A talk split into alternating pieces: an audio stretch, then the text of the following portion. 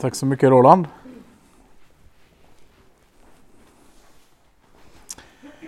För eh, några år sedan så var jag och frun eh, och gick i Göteborg. Det var utan barn, det var sommar. Det var nog till och med innan våra barn var födda så det var en, en i alla fall er konfirmanders oändligt lång tid sedan. Ungefär 8-9 år sedan.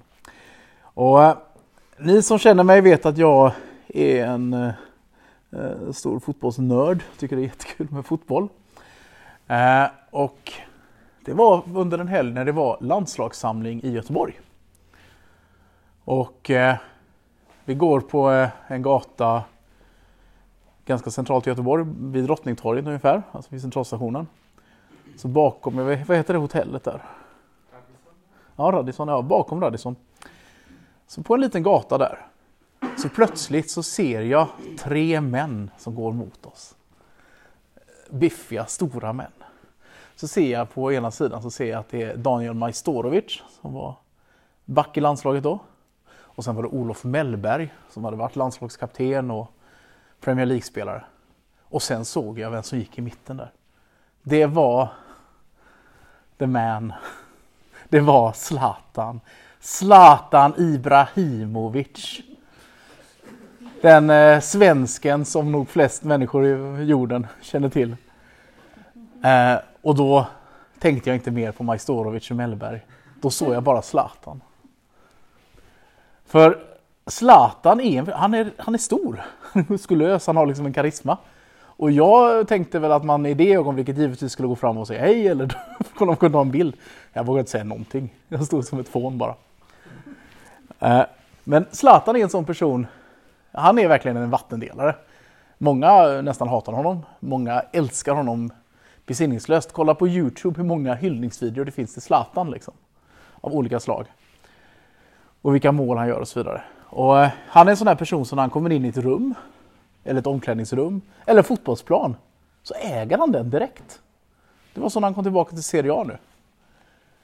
En person som har en naturlig, eh, vad heter man, en naturlig karisma liksom. Han äger rummet han kommer. Och jag tror att the man, Jesus, ni vet han som så mycket i kyrkan handlar om. Jag tror att han hade en, på ett sätt också det här att han hade en, en, en förmåga att äga ett rum. Han blev där människor samlades till. Sen kanske vi inte ska dra mer eh, likheter mellan Zlatan och Jesus. Men men kring Jesus så samlades det jättemånga människor. Människor var fascinerade av honom. Han eh, talade på ett sätt som gjorde att människor släppte det de hade och lyssnade. Han såg människor på ett märkligt sätt som gjorde att nästan oavsett vilka de var så var det som Jesus förstod dem.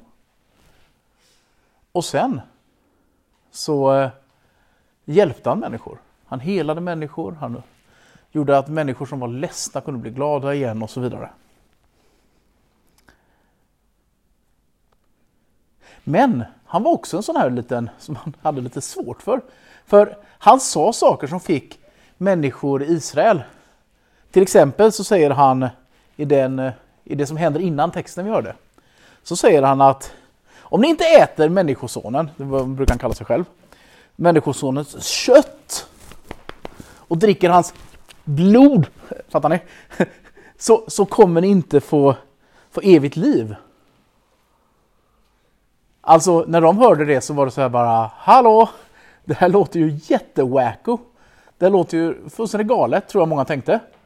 Och så var det många som bara, ja fast samtidigt är han ju så skön, jag vill ju vara med honom liksom. Men så säger han de här märkliga sakerna.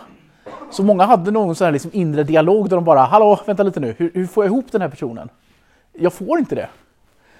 För han liksom sa att han gjorde saker som bara Gud kunde göra. Han förlät synder. Han sa att han var vägen, sanningen och livet. Och att ingen människa kommer till Gud utan genom honom. Och om vi tänker då Jesus, som vi tänker den här, ni vet, med det lilla lammet i famnen och det, han har så här milda blå ögon och och men, men Jesus han var ganska besvärlig för dem för han, han säger ju saker som är, du vet, han, om vi tycker Zlatan är kaxig och har lite gudskomplex, ska vi snacka om Jesus då? Som säger att han är den människa som är den viktigaste människan för alla människor i alla tider. Att han är den människa som leder oss till Gud. Att han är Gud och så vidare. Alltså, det låter ju inte så himla ödmjukt, eller hur? Men det var faktiskt det Jesus gjorde. Och så nu säger han närmast obegripliga grejer om att de ska äta hans blod och dricka, nej, äta hans kropp och dricka hans blod. Vi får ta det på rätt sätt i alla fall. Och, och det gjorde att människor faktiskt på den tiden, till och med lärjungarna står det där, att till och med lärjungar gick ifrån Jesus. För de fick inte ihop det. Och så var det några som gick bort. Och, och gick ifrån Jesus. Och man kan tänka sig, för jag tror också Jesus, mitt i allt det här sakerna sa, så var han också den som när han såg på dig, så var det ögon som, som såg på dig, som verkligen såg dig, som verkligen älskade dig. Och så tror jag det är om vi någon gång har fått möta Guds blick på något sätt. Vi kan liksom inte fly för den, men den är fantastiskt härlig att vara i. Och, och när Jesus tittar på lärjungarna som är kvar så kan man nog nästan se skräcken i hans ögon för han älskar verkligen dem. Det här är hans bästa vänner som han har vandrat med länge. Och så säger han, kanske med lite darr på rösten, inte vill väl ni också gå er väg? Och så är det Simon Petrus, fiskar Petrus, som var lite ledare för lärjungagänget. Han sa, Herre, till vem skulle vi gå? Herre, till vem skulle vi gå? Du har det eviga livets ord. Och vi tror och vi förstår att du är Guds helige. De hade mött Jesus. De hade varit med honom.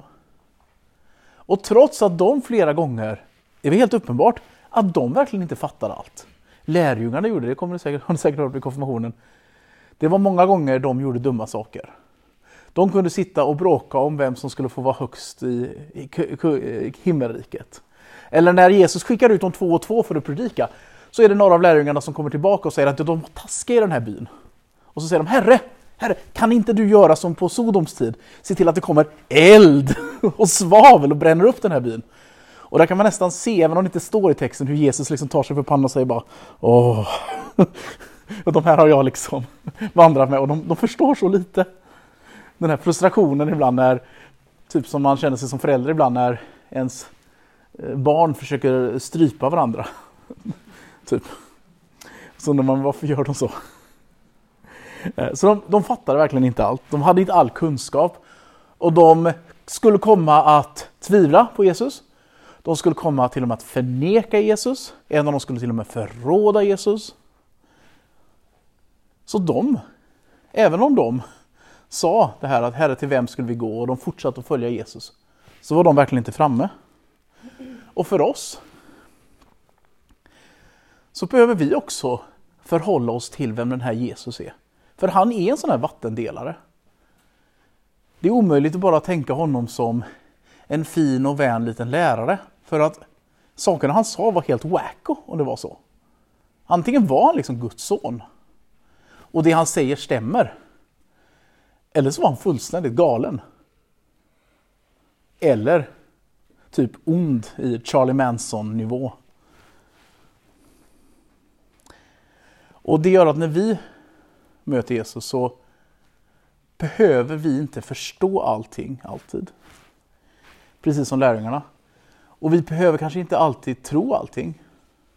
För att få vandra med Jesus, få följa med honom och få lära känna om honom.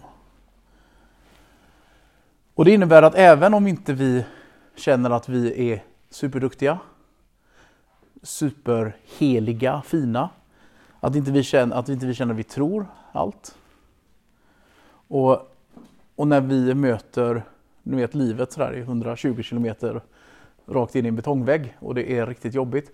Då är det faktiskt så att Jesus är där också. Då får vi komma till Jesus. Både när vi är arga på honom får vi komma till Gud. när vi är ledsna och när vi inte förstår. Och Det Jesus pratade om, det här de inte förstod, om att äta hans kropp och dricka hans blod, vad det handlade om. Det handlade om det som Jesus gjorde på korset och det som vi i nattvarden får fira. När vi i nattvarden får ta del av Jesu kropp och blod. Och det förstår inte jag fullt ut. Där tvivlar jag ibland. Och det får jag ta emot även om jag inte är perfekt. Även om inte jag kan allt. Även om jag hamnar fel. Så nattvarden är ett sätt som vi i brödet och vinet får ta emot Kristus. Får säga till Kristus, Herre, till vem skulle vi gå? Och trots allt det vi är, trots allt det vi känner, så möter Gud oss och älskar oss. Och nu sjunger vi psalm nummer 189.